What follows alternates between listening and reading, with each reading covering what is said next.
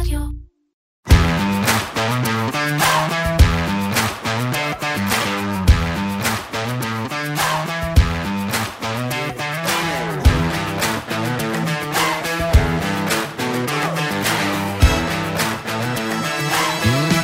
אז אחרי שאתמול קיבלנו אישוש נוסף מארצות הברית, אפשר להגיד שהגענו לתקופה בה הסתיימו העלאות הריבית בעולם. ואם המציאות שלנו בישראל לא הייתה נראית כפי שהיא עכשיו, העובדה הזו הייתה לוקחת את הכלכלה הישראלית למקום אחר לגמרי. וכמו בנקים מרכזיים אחרים בעולם, גם בבנק ישראל מתחילים לחשוב ולחשב מתי יגיע הזמן להוריד את הריבית. אלא שבניגוד לבנקים המרכזיים של אירופה, ארצות הברית, יפן או שווייץ, לבנק ישראל יש עוד משתנה, עוד אה, בעצם משתנים רציניים נוספים שנכנסים למשוואה. אז היום בפרק נוסף של פודקאסט מנועי הכסף של כלכליסט, עם האסטרטג והכלכלן הראשי של פסגות אורי גרינפלד. אהלן אורי. אהלן שי. אז היום נעסוק בכלכלה הישראלית, אבל גם בכלכלה העולמית. אה, עברו, קורו כמובן הרבה הרבה דברים. אה, בראשם בכלכלה העולמית, החלטת הריבית השבוע אה, אתמול של ארצות הברית. פה בישראל היה לנו את הדוח המפתיע, אפשר להגיד, של מודי'ס על, על, בהתחשב במלחמה, ופתאום קיבלנו שקל מזנק. כן, כן, לא דולר מזנק, אלא שקל מזנק. גם על זה נדבר, וגם על אירופה ויפן, ככל שיישאר לנו הזמן. אז אורי, נתחיל נתחיל בעולם, נעשה, קודם נראה מה קורה שם, ואז נגיע פה ל... למקום ה... כן, אני חושב, הרבה זמן לא דיברנו על העולם, הגיע הזמן להתעדכן קצת אחרי שבועיים שהתעסקנו בעיקר בישראל, נראה לי. כן, אז, אז, מה, אז מה, נתחיל מהריבית אתמול בארצות הברית? אפשר, אני, כנראה תמיד כשמדברים על העולם עדיף להתחיל מארצות הברית. ראית את מסיבת העיתונאים? כן. היה שם פשוט משפט אחד שתפס אותי לא מוכן. כשפאוול אמר שהדוט פלוט, אותו, אותם תחזיות של חברי הפד עצמם, שנותנים תחזיות כל רבעון לאיפה תהיה הריבית בסוף uh, כל שנה, מה שזה, התחזיות האלה פשוט פחות חשובות uh, ככל שעובר הזמן. Uh, less significant, פחות משמעותיות אולי ככל שעובר הזמן, שהוא בעצם רצה להגיד, נכון שאמרנו שהריבית עוד תעלה, אבל לא, אז אמרנו, לא, אתם לא צריכים לקחת אותנו כל כך ברצינות. ואני חושב שזה מה שבסוף אתמול פאוול והפד ניסו לשדר. אגב, אני רק רוצה להגיד, אני, היה לי חשוב להקשיב למסיבת עיתונאים הזאת, רציתי לראות מה הוא אומר על המלחמה, איך הוא מדבר על המלחמה. ובכל המסיבת עיתונאים, המשפט היחיד שהוא אמר זה המשפט שהוא בעצם רואה את המלחמה שלנו כמו אה, המלחמה בין אוקראינה לרוסיה, וכמו עוד איזושהי התפתחות גיאופוליטית, אה, לא יודע איזה דוגמה הוא נתן, אבל בגדול הוא לא מתרגש. מכלום פה ב... לקחת את זה אישית אני מבין. כן.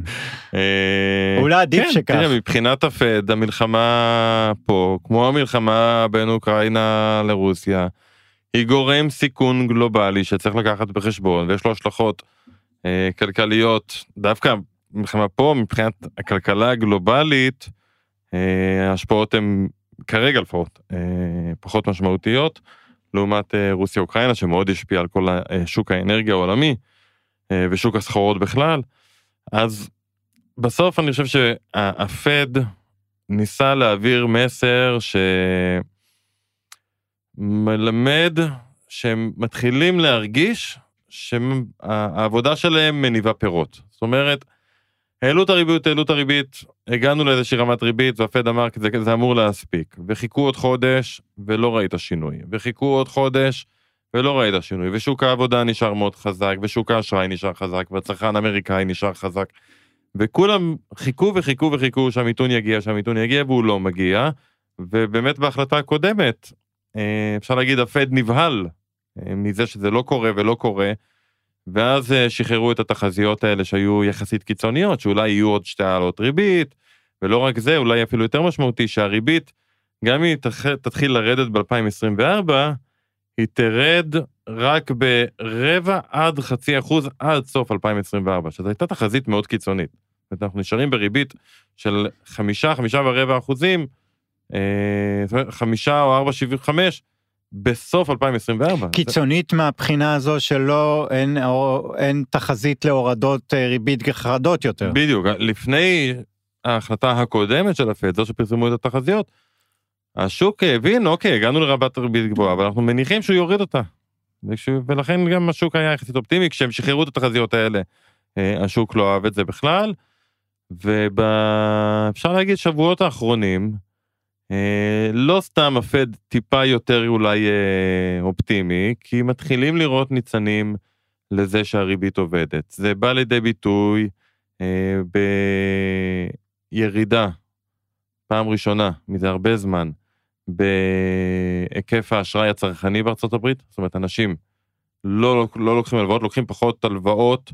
אה, אנחנו רואים עלייה בשיעור הדיפולטים, שיעור האנשים שבעצם מאחרים בהחזר ההלוואה שלהם.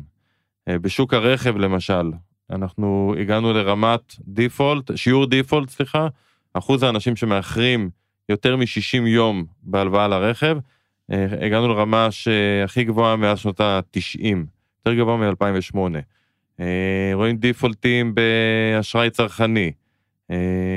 אה, שיעור, הריבית על משכנתה כבר מעל 8 אחוזים, למשכנתה חדשה, מי שרוצה לקחת. אז כנראה שהעלאות הריבית מתחילות באמת לעשות את העבודה, וזה יבוא לידי ביטוי בהאטה בצריכה, וכשזה יקרה אז אנחנו נראה גם את שוק העבודה מגיב, ואז הפד יהיה הרבה יותר רגוע ויתחיל כנראה גם לדבר על האפשרות של הפחתות ריבית. ומה שאתמול אפשר לקחת מההחלטה של, מההודעות של פאוול ומהמסיבת עיתונאים, זה שהם מרגישים קצת יותר בנוח, שאכן התהליך מתחיל לקרות. אה, הוא הוסיף גם באמת, מש... אה, אתה יודע, הרי כל מילה בהודעה היא מדודה. והם הוסיפו במשפט שהיה גם בהודעה הקודמת, בהודעה הקודמת היה משפט אה, שאמר ש... אה, הרעת התנאים בשוק האשראי אה, צפויה להביא להאטה בכלכלה. מה שהם הוסיפו עכשיו זה שהתנאים הפיננסיים הנוכחיים והרעה בתנאים בשוק האשראי צפויים להביא לה... זאת אומרת, הם רואים שיש הרעה בתנאים הפיננסיים. יש לפד כמה אינדיקטורים של תנאים פיננסיים, הכוונה היא מה רמת הריבית, מה, כמה בנקים, אה, מה היצע האשראי של הבנקים, זאת אומרת, עד כמה בנקים רוצים לתת הלוואות, עד כמה, כמה התנאים שהם נותנים את ההלוואות, עד כמה הביקוש לאשראי אה, קיים. כאילו ו... סוג של טיפה יותר כלכלה ריאלית, כלכלה ש... שנוגעת בדיוק, בדיוק. באזרחים. המונח הזה של מדד התנאים הפיננסיים הוא בא לחבר את העולם, את עולם האשראי לתנאי, לכלכלה הריאלית, לאיך בעצם שוק האשראי צפוי להשפיע על הצרכן, אה, בעיקר על הצרכן, גם על עסקים, אבל בעיקר על הצרכן. ו, ופה אנחנו באמת מתחילים לראות את הניצנים, ואם זה קורה אז התהליך הוא, התהליך ברור לכולם אני חושב, פשוט הוא לקח המון המון זמן בגלל הרבה גורמים שדנו עליהם, דיברנו עליהם הרבה זמן, הרבה פעמים, אה, בעיקר חסכונות העתק שהיו אחרי הקורונה, שנגמרו, הם באמת נגמרו, רואים את זה אה, בעוד ועוד נתונים, כמות הפקדונות למשל. בבנקים בארצות הברית, כמה פקדונות יש למשקי הבית, אה, במונחים ריאליים אם מנקים את האינפלציה, כי זה שיש לך אלף שקל פיקדון אולי אלף דולר, פיקדון זה שווה פחות הרי, כן. אה, בגלל שהייתה אינפלציה, אז חזרנו למגמה ארוכת הטווח. זאת אומרת כל הקפיצה שהייתה בכמה כסף יש לאנשים, הכל ירד וחזרנו למגמה ארוכת הטווח. ואז הפד כנראה מניח, הוא יותר רגוע היום ממה שהוא היה לפני חודש או חודשיים, שהתהליך מתחיל לקרות ושהוא יקרה תהיה האטה וכנראה רבעון רביעי אחרי שרבעון שלישי הייתה צמיחה מאוד מהירה. רבעון רביעי כנראה נראה כבר האטה משמעותית בכלכלה בטח ברבעון ראשון של 24 ואז שוק העבודה יגיב השכר יאט אם השכר יאט האינפלציה תאט ואז הפד יוכל להתחיל לדבר על האפשרות בכלל של הפחתת ריבית אה, והשוק יגיב בהתאם ראינו גם ירידה בתשואות האג"ח כי השוק מבין ש... כנראה הריבית אולי תרד קצת יותר מהר ממה שחשבנו לפני חודש או חודשיים. אה, וראינו את אה, שוק המניות גם כן מגיב בחיוב, כי אם הריביות יורדות, אם התשואות יורדות, אז זה כמובן נותן רוח גבית לשוקי המניות ולחברות. כן, היה, היה רק איזה אנקדוטה מהמסיבת עיתונאים, לא יודע, לא, עזוב, אנקדוטה זה לא המילה הנכונה, אבל מישהו שאל אותו שם, אה, או מישהי שאלה אותו, תגיד, אה, אה, מה, למה אתם באמת לא מתקדמים? מה, אתה מרוצה ממה שקורה? אז הוא הסתכל עליה ואמר, אה, אה, את יודעת איפה היינו לפני שנה? לפני שנה הורדנו את הריבית, העלינו את הריבית, סליחה, בשלושת רבעי אחוז. היום אנחנו אחרי החלטה שלא עשינו כלום. אני חושב שזו התקדמות רצינית ביותר. ויכול להיות שזה איזשהו סיכום, כאילו בואו ניקח לא, את הכל לא ב... לא נותר לי להסכים איתו. כן, אנחנו, אנחנו כן. נוטים לשכוח את המ... הפאניקה שהייתה לפני שנה, אפילו אפשר להגיד שנה וחצי, הדיבורים על uh, מצב של, uh, שבו האינפלציה תגיע ל double digits, ושהריבית תצטרך לעלות ל-7-8 אחוזים, ואנחנו חוזרים לשנות ה-70 אולי, שנות 70-80. הייתה פאניקה מוחלטת בכל העולם, ובצדק. כי כן. אינפלציה, כשהיא מתחילה, אם אתה לא מצליח לעצור אותה, זה בעיה מאוד קשה. ובסוף צריך לתת קרדיט, הבנקים המרכזיים אולי איחרו, כנראה איחרו אפילו, למה אולי? כנראה איחרו. אה, גם פה אני יכול אה, להבין למה זה קרה, אה, אבל כשהם פעלו, הם פעלו בצורה מאוד מהירה, שזה לא קל, אתה זוכר את הצעקות בכנסת על נגיד בנק ישראל? כן. אה, וזה הצליח, זה, זה עשה את העבודה והאינפלציה נעצרה. המחיר של זה זה כמובן האטה, אה, אבל זה בסוף האטה, גם אם היא תהיה לרבעון, שניים, זה מחיר נמוך יותר מאשר לתת לאינפלציה להמשיך להשתולל. אוקיי, ונמשיך מפה לאירופה. מה חדש באירופה? אירופה, קודם כל בוא נגיד, גם שם הבנק המרכזי די אותת שהוא סיים את העלאות הריבית. אה, הבנק המרכזי של גוש האירו. ובאירופה זה קצת יותר בעייתי, קודם כל כי האינפלציה המשמעותית יותר גבוהה באירופה. אה, אם בארצות הברית האינפלציה הולכת ויורדת והולכת ויורדת, אגב, בוא, בוא נבין, האינפלציה בארצות הברית, אם מנקים את סעיף הדיור, שהוא, המשקל שלו באינפלציה בארצות הברית הוא מאוד גבוה, זה שליש מהמדד. אוקיי. Okay. וסעיף הדיור נמדד רק על ידי חוזי שכירות, כמו בארץ. אם מורידים רגע את הסעיף הזה, תכף אני אסביר למה אני מרשה לעצמי רגע להוריד אותו, האינפלציה בארצות הברית היא אחוז נקודה שתיים. האינפלציה ללא דיור היא אחוז נקודה שתיים. זאת אומרת, אנחנו כבר לא באינפלציה גבוהה, למעט סעיף ללא הדיור. ללא דיור עם אנרגיה? כן. אוקיי. היו הרבה דברים שמחירים ירדו, בעיקר במוצרים יש ירידות מחירים, בשירותים עדיין יש עליות בגלל שוק העבודה והשכר שהוא עדיין עולה בקצב מהיר, אבל בסוף האינפלציה כולה ללא דיור ירדה לרמות שהפד יכול להיות מרוצה. עכשיו למה אני אומר בוא ננקה את הדיור, בסדר, אם זה שליש מהמדד אתה לא יכול ככה למחוק את זה הרי סתם. כן. סעיף הדיור נמדד על ידי חוזה שכירות וכשאתה מסתכל על מחירי השכירות בארצות הברית יש אינדיקטורים שאפשר לקרוא שמקדימים בעצם את המדידה של הלשכה המרכזית לסטטיסטיקה אמריקאית. אה, שניים מאוד מפורסמים זה של אה, זילו שזה אתר כמו יד שתיים ושל אפרטמנט ליסט שזה גם אתר שמפרסם מחירים הם מפרסמים את המחיר של אה, אה, להשכרת דירה, המחיר החציוני להשכרת דירה בארצות הברית. בנתונים שלהם אתה רואה בבירור שהייתה האטה בחודשים האחרונים משמעותית, וסביר להניח שזה יתגלגל לתוך מדד המחירים לצרכן, פשוט יש עיכוב מסוים בגלל המתודולוגיית מדידה, ייקח חודשיים, שלושה, ארבעה, אנחנו נראה את האינפלציה הברית יורדת ויורדת מהר. והפד מבין את זה, ולכן הוא מרגיש כבר יותר בנוח, כי בעוד, כמו שהוא אמר. תזכרי איפה היינו לפני שנה. כן. בעוד חצי שנה הפד כנראה יהיה בעמדה נוכל להתחיל לדבר על הפחתות ריבית. גם האינפלציה תהיה קרובה ליעד, גם שוק העבודה יהיה בהאטה, קצב העלייה של השכר כבר יתקרב לאזור של שלושה וחצי אחוזים ולא חמישה וחצי אחוזים כמו שזה היה לפני כמה חודשים. ואז הוא יוכל באמת לשקול את האפשרות הזאת של זהו סיימנו את המלחמה בוא נחזיר את בוא, בוא נחזור לעזור לאנשים ונוריד את הריבית ונתמוך מחדש במשק כדי שהוא יצא מההאטה הזאת בצורה יותר טובה. וזה מה שהשווקים הפיננסיים רוצים לראות. אבל אתה אומר זה לא המצב, ב... אה. ב... זה לא המצב באירופה. נכון. ר... רק נזכיר, אני לא חושב שאמרנו את זה, מה באמת הריבית? הריבית בארצות הברית היא חמישה וחצי אחוזים, באירופה הריבית היא ארבעה וחצי אחוזים. ארבעה, ארבעה, אה. יש כמה ריביות באירופה, כן. מתייחסים לארבעה אחוזים. בערך אנחנו, עזוב, בערך אנחנו מדברים על אותה רמת ריבית, נכון? אה, כן, פחות, פחות גם ישראל, יותר. ישראל איפשהו באמצע, כן. 4.75. כן. אז למה, ההבדל למה, באירופה כן, זה שהאינפלציה היא עדיין גבוהה מאוד, אה, תלוי באיזה מדינה מסתכלים, בחלק מהמדינות האינפלציה עדיין מעל חמישה אחוזים, אה, שזה כמובן משמעותי, ואולי יותר חשוב, הלחץ שאנחנו רואים על הכלכלה, הוא עדיין לא נובע מהריבית, כמו בארצות הברית. זאת אומרת, גם, אמרת, התחלתי מזה שבארצות הברית, סוף סוף רואים ניצנים של השפעת הריבית על הכלכלה. עכשיו, אירופה כבר במיתון, אירופה ראינו את נתוני הצמיחה האחרונים, אה, אנחנו במיתון באירופה. כן, אבל המיתון הזה הוא לא תוצאה של הריבית שעלתה והכניסה את המשק למיתון, אלא הוא תוצאה של משבר האנרגיה שהיה וכל מה שאירופה עברה בשנה וחצי האחרונות.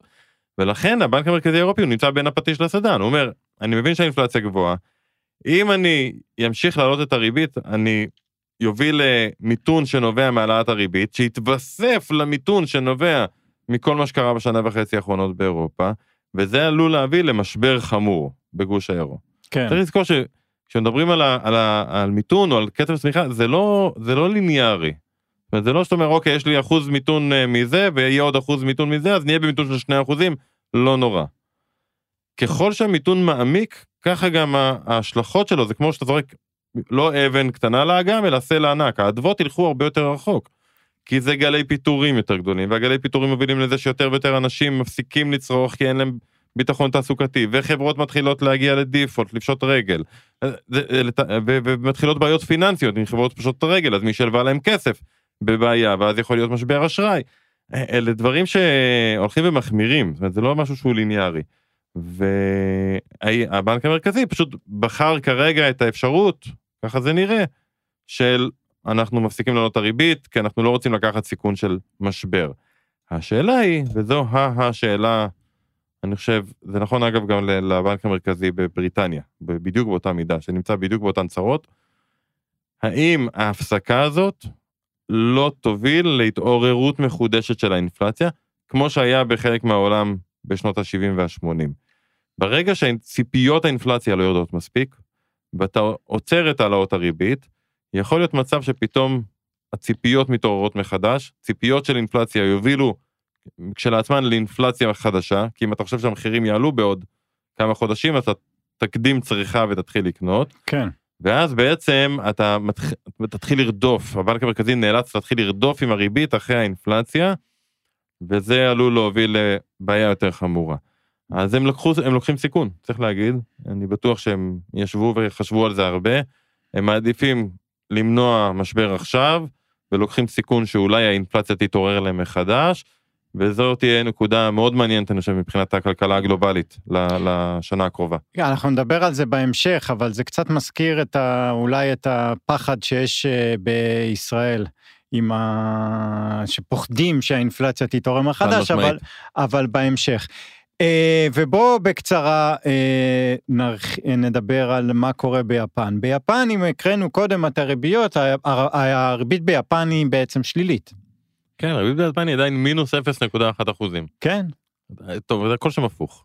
הם גם- נכון. הם גם קוראים מלמעלה למטה. הם לדעתי אולי היחידים בעולם עם ריבית שלילית, נכון? היום כן, היום בוודאי הם היחידים בעולם עם ריבית שלילית, הם היחידים שלא העלו ריבית. הם היחידים שעדיין נוקטים במדיניות שהיא מאוד מאוד מרחיבה. לא רק שהם לא העלו את הריבית, הם עדיין עושים הרחבה כמותית. עדיין הבנק המרכזי שם רוכש אג"חים באופן קבוע ושוטף, אבל היה לנו אולי סימן לשינוי, אפשר להגיד. אה, אני חושב, אני חושב שכן. בוא רק נגיד באמת איך זה עובד ביפן. קודם כל הריבית הקצרה, ריבית הבנק המרכזי מינוס 0.1 כמו שאמרנו, והמדיניות של הבנק המרכזי היא שתשואת האג"ח לעשר שנים, שזה בעצם האינדיקטור, הבנצ'מארק לריבית לטווח ארוך, היא יכולה להיות, זו הגדרה של המדיניות שלו, מקסימום אחוז. כל פעם שהריבית הזאת עוברת האחוז, כי נגיד איזשהו גוף או משקיע מוכר את אגרות החוב שלו בשוק, המחיר של אגרות החוב יורד, התשואה שלהם קדימה תהיה גבוהה יותר.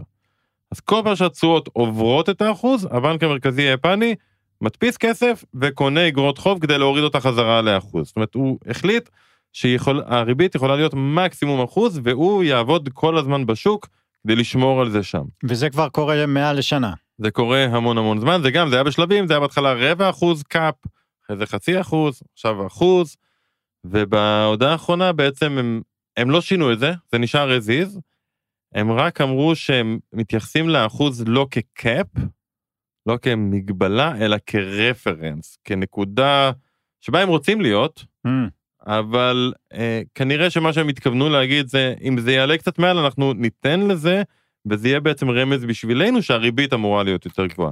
עכשיו, אם אתה מסתכל על ה...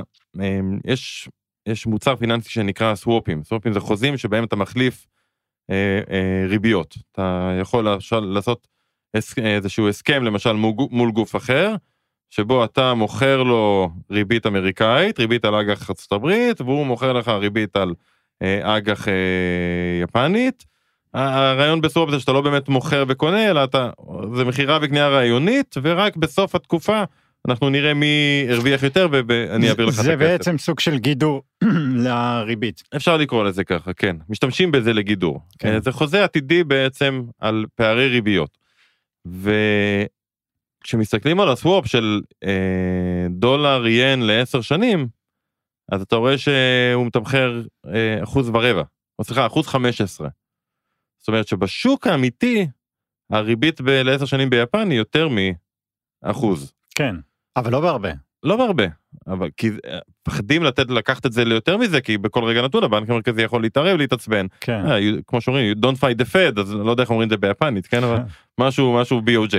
אה, אבל עצם זה שהוא בא ואומר אנחנו מתייחסים לזה כרפרנס זה נותן בעצם ייתן לשוק קצת יותר אה, אה, אפשרות למשוך את התשואות כלפי מעלה. ונגיד למה זה קורה? כי האינפלציה ביפן בעלייה. האינפלציה ביפן אה, כבר הייתה בשלושה אחוזים. רוב האינפלציה עד כה הגיעה באמת מהמוצרים. כל מה שעבר עם הקורונה שינוע כל הדברים האלו אנרגיה והבנק המרכזי לא רצה להגיב. הוא, הוא, הוא נקט בעמדה של זה זמני למשך הכי הרבה זמן. הוא אמר זה ירד לבד. ולאט לאט הם רואים שהאינפלציה הלא זמנית כבר מעל שני אחוזים שזה היעד שלהם ולכן הם מתחילים לשנות את הכיוון ואני לא חושב שהם הולכים להעלות ריבית אבל הם בטח הולכים לשחרר יותר ויותר את השוק להדפיס פחות כסף. אגב בצד השני הממשל המ- היפני כן עושה המון הרחבות הם רק הודיעו השבוע שהם כנראה יעשו עוד תוכנית שבה הם ייתנו כסף לאנשים שנפגעו כתוצאה מהאינפלציה. אם המחירים עלו וזה שחק לך מאוד את ההכנסה אז אנחנו נביא לך את הכסף שזה, שזה רק יעודד ש- עוד כן. אינפלציה כן. אה, כל המדיניות הזאת גם מחלישה מאוד את היין. היין החלש גם כן מייצר עוד אינפלציה. אז בגדול נראה שהבנק המרכזי היפני שעד עכשיו הוא היה האחרון שעמד עם הרגליים האחוריות ואמר אנחנו לא נעלה ריבית אנחנו נמשיך לתמוך ולתמוך ולתמוך. אה, לא תהיה לו ברירה הוא ייכנע והם פשוט יהיו בפיגור אחרי רוב העולם מבחינת המדיניות שלהם הם יעלו את הריבית בזמן שבחלק גדול מהעולם מורידים את הריבית. אז בוא נדבר עכשיו על uh, קצת על ישראל ותראה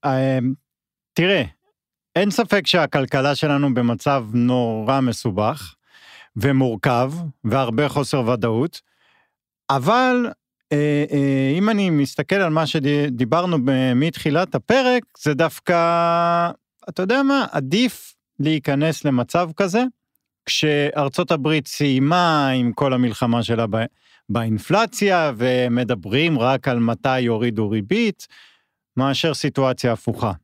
אז לפחות בחלק הזה אה, אפשר טיפה להתעודד. בוודאי בסוף אה, ישראל כלכלה שתלויה בעולם בעיקר היצוא הישראלי אה, תלוי בעיקר בארצות הברית ובאירופה אה, וברגע שאנחנו מבינים ששם המדיניות אה, המוניטרית משתנה אז נכון שאנחנו לקראת האטה אבל הכיוון קדימה חוזר להיות חיובי ורואים את זה אגב תראה מה קורה לענף הטכנולוגיה שלאט לאט הולך וחוזר לעצמו. אז זה משהו שיתמוך במשק שלנו מכיוון הכוחות החיצוניים. עכשיו יש את הבעיה עם הכוחות הפנימיים, אה, ש... וראינו היום כותרות, אה, 810 כן, אלף אנשים שלא עובדים. כן, אז זה בהגדרה אומר שהצמיחה ברבעון הרביעי תהיה מאוד מאוד מאוד מאוד מאוד נמוכה, כי פשוט אין, לא מייצרים. צמיחה זה בכמה כמה התוצר של המדינה גדל. אז הוא לא גדל, הוא קטן כן. במהלך הרבעון הזה. שוב, זה לא מפוטרים, כן? שלא... זה, זה אנשים שהם לקחו גם את המילואימניקים וגם את מי שיוצא לחל"ת, והם אפילו הכניסו הורים לילדים קטנים שהם יוצאים מנקודת הנחה שהם לא יכולים לעבוד במשרה מלאה אוקיי. כל עוד אין... אה, זאת אומרת, כל החבילה, בערך. אז זה, זה, זו הבחנה שהיא נורא נורא חשובה. היא נורא חשובה בעיקר כדי לנסות להעריך עד כמה המיתון הזה שיהיה ברבעון הרביעי, הוא מיתון שיהיו לו השפעות ארוכות טווח, וגם מה ההשפעה שלו בעיקר על האינפלציה והריבית. כי אם אנחנו, נרא, אנחנו נראה את התוצר יורד. אגב, התחזית של, אני חושב, בנק ישראל היא לצמיחה של אה, 2.8 אם אני לא טועה, אה, ברבעון, אה, במהלך 2023. רק שנבין את המספרים, כשמדברים על הצמיחה של 2023, זה כל התוצר ב-23, לעומת כל התוצר שייצרנו ב-2022. שלושה רבעונים בגדול מאחורינו הרי. של צמיחה ש- בסדר, של תוצר בסדר גמור. כן. אין לנו עוד נתונים על רבעון שלישי, אבל בהערכה שברבעון השלישי התוצר צמח בערך בשלושה אחוזים, קצב דומה לרבעונים קודמים. כדי להגיע בסוף ל-2.8, התוצר ברבעון הרביעי יכול להתכווץ ב-14 אחוז, שזה כמובן מספר אדיר. אה, זאת אומרת, אפשר לצפות למיתון מאוד מאוד עמוק ברבעון רביעי, זה עדיין יביא אותנו בסך הכל ב-23 אנחנו במצב בסדר. עכשיו השאלה קדימה יותר מעניינת מאשר מה היה ב-23 כמובן. ופה אם אנחנו מדברים והכל כמובן תלוי גם בתרחיש הביטחוני אבל אם אנחנו מדברים על זה שיש לנו חודשיים שלושה חודשים לחימה עזה בעזה ואז לאט לאט חוזרים לאיזושהי שגרה יכולה להיות שגרה כזו או כזו אבל כן בעיקר ה- המשק ובעיקר במרכז הארץ אה, חוזר לשגרת עבודה. ואגב רואים כבר היום המצב מאוד שונה מאיפה שהוא היה, הוא לא טוב אבל הוא שונה מאיפה שהיה לפני שבועיים. כן, אה, כמו בקניונים במסעדות. אה, כמובן שהוא ממש לא מה שהוא היה לפני המלחמה.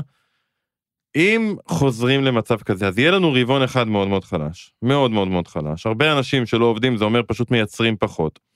אבל לאחר מכן אותם אנשים חלק גדול מאותם אנשים שנספרים ככאלה שלא עובדים כרגע. זה לא שהם לא עובדים ולא מקבלים ואין להם הכנסה. אם זה היה המצב אז כמובן גם ביום שאחרי המלחמה אנשים אלה מהדקים חגורה ולא הולכים ולא קונים ולא מוצאים כסף ויש פחות השקעות ופחות צריכה פרטית ואז אתה נכנס למיתון עמוק. אם ההכנסה ולרוב האנשים האלה ההכנסה עדיין אה, אה, נותרת כפי שהיא אולי אפילו יותר בחלק מהמקרים למשל המילואימניקים חלק יש אה, כל מיני מעבר לשכר שמקבלים על המילואים בונוסים של מעל 30 יום או 32 יום ועוד מענק כזה ומענק כזה כן, אם אנשים לא עובדים, אגב, זה שאנשים לא עובדים ויש פחות תוצר, זה אומר שההיצע, צריך לזכור, אינפלציה היא תמיד הביקוש לעומת ההיצע, זה לא רק הביקוש. אז ההיצע בעצם נפגע פה, כי אנחנו מייצרים פחות.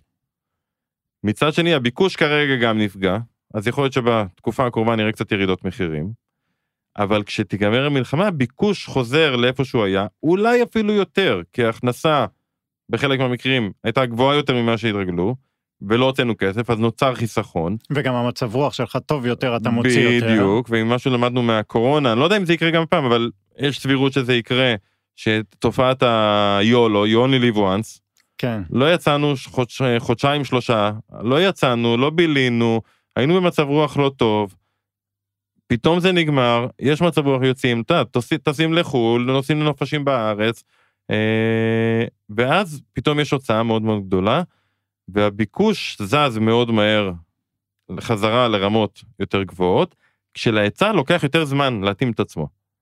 כי ברגע שהרבה אנשים היו במילואים, חוזרים לעבודה עד שמתחילים לייצר מחדש באותה, באותה תפוקה לוקח זמן. גם בייצור עצמו, גם בשירותים, גם אל תשכח שהרבה שיוצאים לחל"ת, אז לא מיד חוזרים, ולוקח זמן עד שמחזירים, עד שיראו שהביקוש, בדרך כלל יגדילו את ההיצע כדי להתאים לביקוש. כן. ויש איזשהו תהליך, זה לא קורה ביום אחד, ואז הדברים האלה יכולים לייצר לנו לחצים אינפלציוניים דווקא. למרות שכאילו היינו במיתון מאוד עמוק. ואם אני מוסיף לזה את הלחצים האינפלציוניים שהשער של הדולר יכול להביא, למרות שהוא קצת, אה, אה, השקל התחזק בימים האחרונים, אנחנו עדיין ברמה יותר גבוהה מאפשר לפני שהמלחמה. ותכף נדבר על, על הדולר. אה, ואני לוקח את ההשפעה של הבעיית אה, היצע מצד הגורמי ייצור ומצד השינוע. כרגע יש, מחסור, יש בעיית שינוע בתוך ישראל, יש בעיית שינוע גדולה מחוץ לישראל, לתוך ישראל. אין מטוסים, אין אוניות. אז כל הדברים האלה מהווים סיכון אינפלציוני. זאת אומרת, במובן מסוים זה מזכיר את הקורונה. בקורונה צריך להגיד, זה היה להרבה יותר זמן, זה לא היה חודשיים שלושה, זה היה תהליך מאוד מאוד ארוך, שגם נבע מבעיית היצע עולמית, עם כל מה שהיה עם סין. אז אני לא חס וחלילה נותן פה תחזית שנגיע לאינפלציה שהייתה בקורונה, אבל כן לפחות צריך לשקול, ואני חושב שזה מה שבנק ישראל עושה, לשקול את הכוחות אה, הדפלציונים מול כוחות אינפלציונים שיש. זאת אומרת, יש, כן, יש דברים שכנראה יובילו לירידת מחירים, כי היום אנשים פחות קונים פחות זה, אז אולי יהיו מבצעים קצת, כדי למשוך אנשים חזרה לקנות, אבל גם יש כוחות אינפלציונים, וזה קשה היום, זאת אומרת, יש סיכונים בעיניים של, של בנק ישראל, כמו שאמרת קודם, הוא לוקח, כמו באירופה, הוא צריך לקחת בחשבון את הסיכון שאם הוא עכשיו יתחיל להוריד את הריבית, עד שהוא ניסה ונלחם וזה עובד והאינפלציה סוף סוף יורדת, הוא לא רוצה לקחת את הסיכון שעוד פעם להדליק את המדורה הזאת של האינפלציה, ולכן אני חושב שהוא אה, מנסה לא להוריד ריבית. כן. הוא לא הוריד והוא גם מנסה לאותת שזה לא משהו שיקרה, אלא אם כן נראה החמרה אמיתית בפעילות הכלכלית, במובן לא שלא מייצרים, במובן שאנשים נפגעה להם ההכנסה בצורה משמעותית, ואז אתה מניח שהביקוש גם לא יחזור לאיפה שהוא היה לפני כן. כן, אז, אז רגע, אני רק, החיבור למה שאמרת, כל הדברים שאמרת פה, מתחבר לי לדוח שפרסמו במודי'ס מתישהו ב, לפני כמה ימים, שאומרים האינפלציה בישראל, אם המלחמה תימשך, תגיע ל-7 אחוזים, 6.8 אחוזים, כמה זה? בערך סדר כן, גודל כן, כזה. הם זרקו שם מספר... אה, אה, הם זרקו מספר, כן. לא, לא, לא רוצה להגיד זרקו מספר, זה לא, מספר שיצא אה, כן, מהתחזיות, ומודי'ס הם גוף מספיק רציני כדי שהמודלים שלהם יהיו מודלים עם מתודולוגיה מאוד מאוד ברורה. מה שהם לקחו פשוט, הם לקחו את התרחיש של תחילת שנות האלפיים, תרחיש האינתיפאדה השנייה.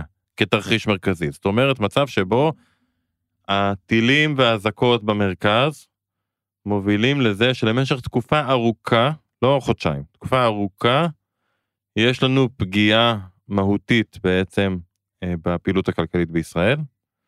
מה שאומר שהדולר צריך להתחזק הרבה יותר מאיפשהו, מה שאומר שיש לנו בעיה פיננסית, זה תרחיש שיותר דומה לשנות, לתחילת שנות האלפיים, ואז באמת האינפלציה הלכה ועלתה בגלל הדולר ובגלל בעיות היצע, אה, בגלל, אה, לא רוצה לקרוא לזה חרמות, אבל אה, מצב שישראל נמצאה בו אז לא היה כל כך טוב בהסתכלות הבינלאומית, ואז זה יכול להוביל אותך לאינפלציה מאוד גבוהה מהסיבות האלו.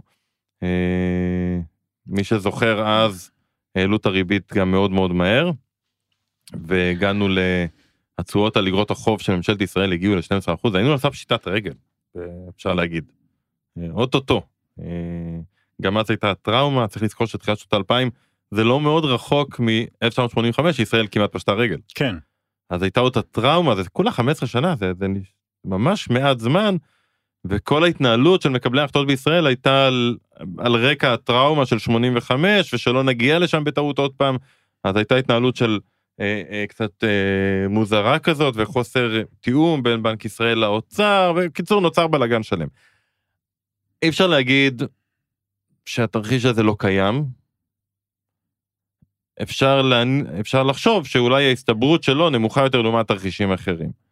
אם אנחנו הולכים למצב, תראה, אנחנו, אני חושב שדי דיברנו על זה לפני התוכנית, התרגלנו לשתי אזעקות ביום. כן. העולם, חזרנו לעבוד. כן. ואני רואה את זה בהרבה מקומות. בתי ספר חוזרים אולי לא בצורה מלאה, אבל כן, יש אזעקה. חזרנו אז, לרחוב. אז הולכים לממ"ד, ואנשים חוזרים לרחוב, והקניונים אה, קצת יותר מלאים.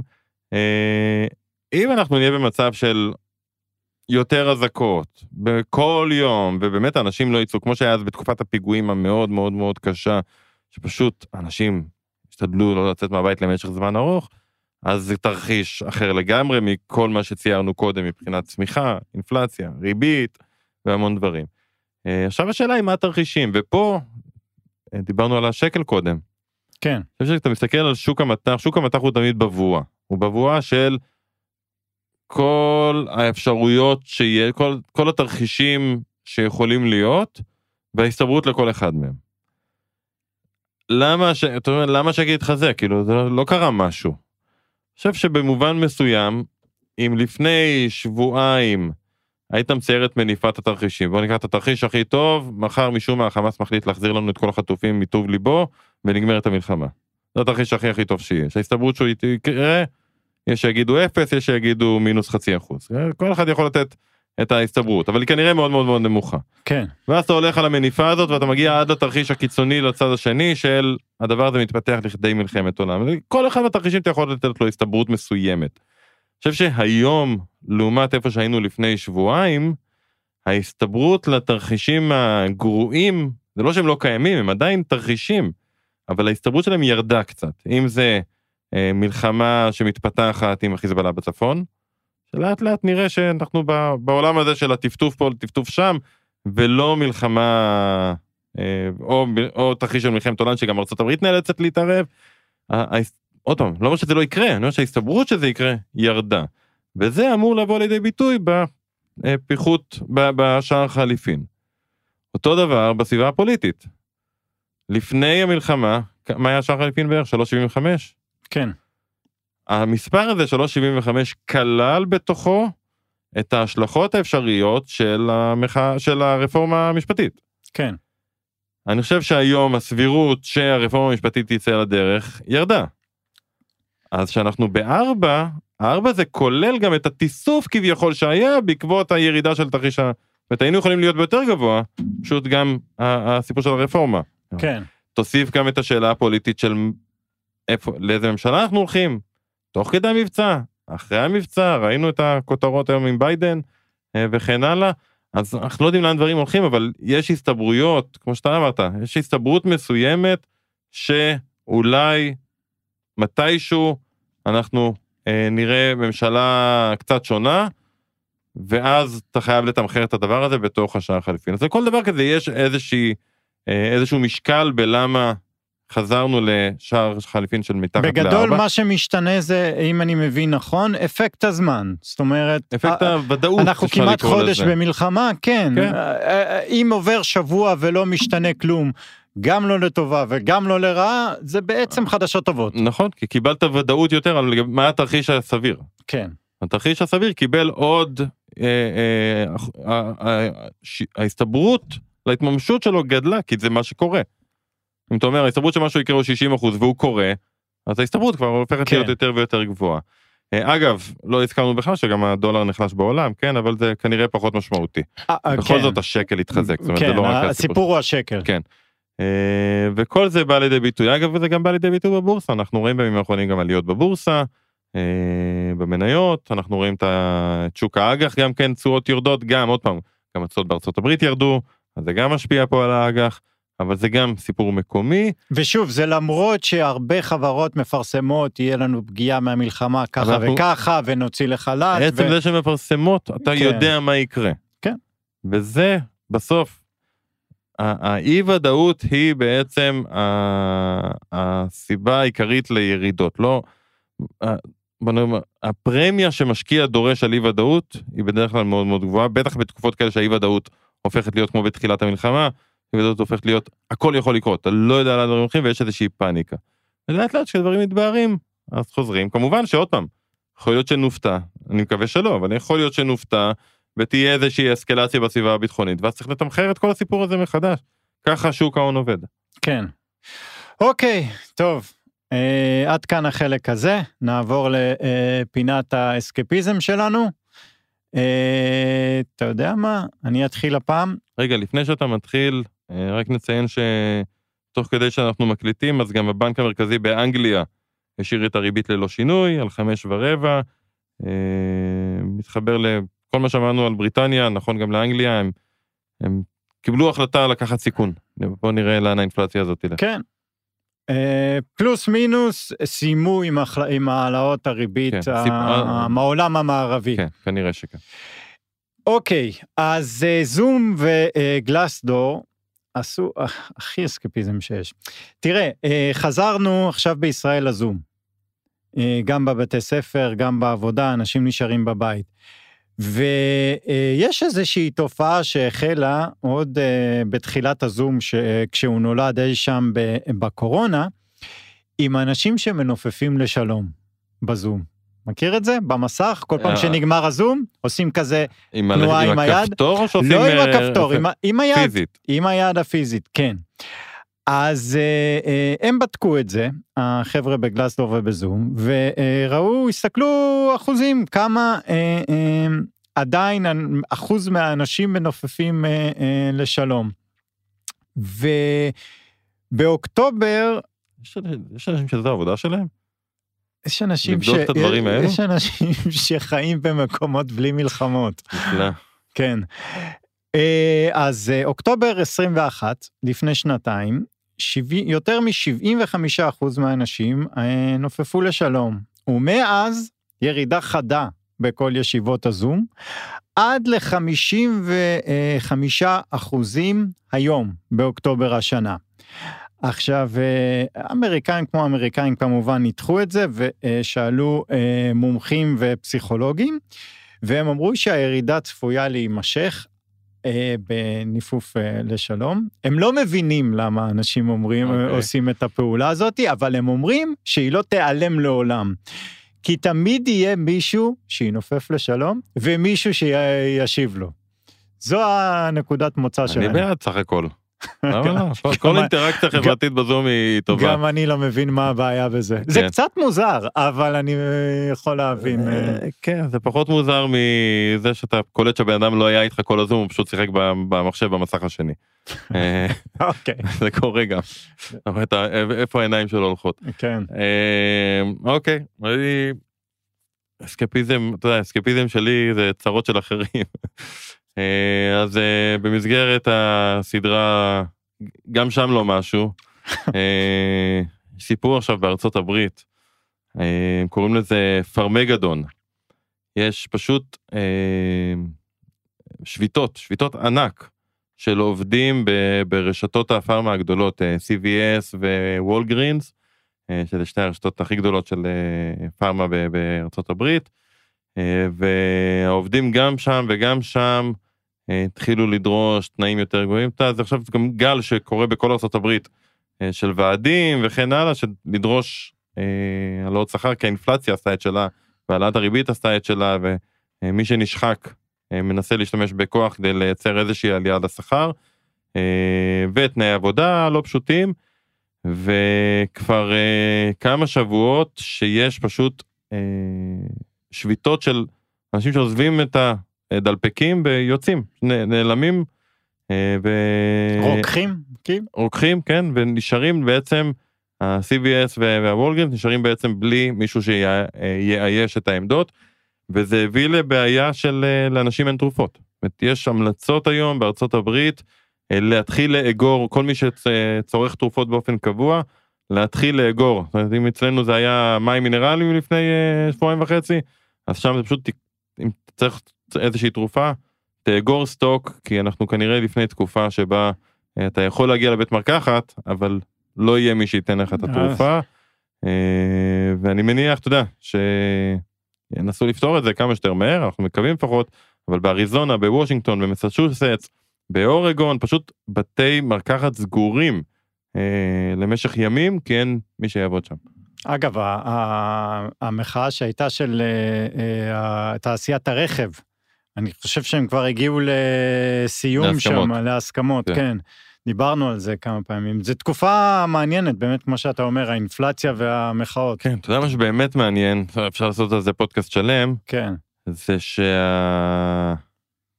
שהרפובליקנים הפכו להיות תומכים של ועדים, והדמוקרטים, סליחה, הדמוקרטים הפכו להיות תומכים, הדמוקרטים שנים היה שוק חופשי וזה נשמע מאוד רפובליקני אבל מי, מי, מי, מי קידם את הגלובליזציה ואת הדברים האלה זה דמוקרטים. כן. אה, ופתאום זה כאילו התהפך. כן. אה, גם איפשהו הסיוע לישראל משהו התהפך לא מסתדר לי בראש בין ה... כל הפוליטיקה האמריקאית השתנתה מאוד. כן. אה, ואולי בנובמבר 24 זה עוד יחמיר כמו שאומרים. או ישתפר. אם הוא יחזור. או ישתפר. תודה רבה, ושיהיה טוב.